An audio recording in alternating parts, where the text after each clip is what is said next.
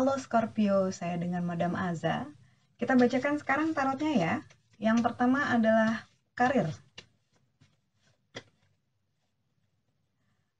Wheel of Fortune menunjukkan roda keberuntungan yang berputar. Saya lihat ini keberuntungannya akan jadi lebih baik sih harusnya. Karena energinya lebih ke matahari, cerah, hangat gitu, menyinari. So, kartu Wheel of Fortune bilang dalam hal karir akan ada perubahan.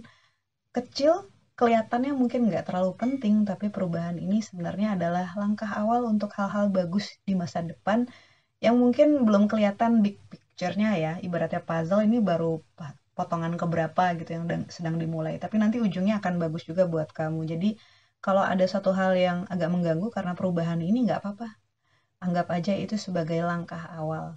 It's gonna, gonna be a good thing for you in the future. Akan jadi hal yang bagus buat kamu di masa depan. Jadi dijalanin aja dulu. Untuk percintaan. The Hermit, orang bijaksana. Kayaknya kali ini harus berperan sebagai orang yang bijaksana, yang sabar, yang ngalah gitu. Seberapapun tidak menyenangkan itu mungkin buat kamu gitu tapi it's okay. Ini adalah fase adalah sebuah masa-masa di mana dalam hal percintaan kali ini kamu harus jadi yang lebih dewasa lebih berusaha memahami lebih sabar lebih ngelus-ngelus dada. Nggak apa. Cuman sebentar fasenya nanti akan dapat fase yang lebih baik lagi dalam hal percintaan. Sedang diminta untuk jadi lebih bijaksana apa pun situasi yang sedang dihadapi. Kartu nasihat. Yang terakhir ini general ya, nggak hanya berlaku untuk percintaan ataupun karir. Kartu The Tower ini bicara tentang ego yang disambar petir, menara tinggi disambar petir. Yang ketinggian pada akhirnya akan jatuh juga.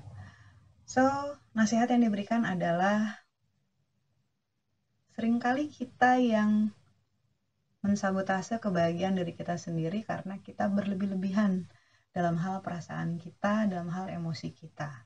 Karena itu nasihat yang diberikan, ya jangan berlebih-lebihan dan lebih pintar dalam mengamati diri sendiri. Apakah ini benar-benar perasaan saya, ataukah ini hanya emosi sesaat yang bikin saya jadi impulsif dan misalnya melakukan hal yang merusak banyak hal di sekeliling saya. Jangan sampai seperti itu.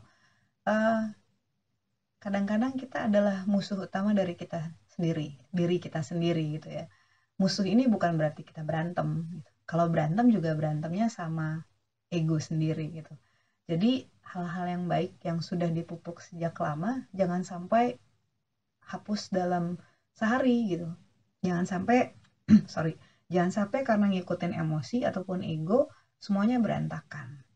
Lebih belajar untuk uh, menata ego kita sendiri emosi kita sendiri agar apa yang dikeluarkan baik.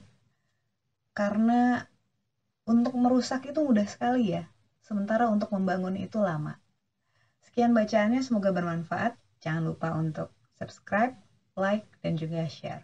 Terima kasih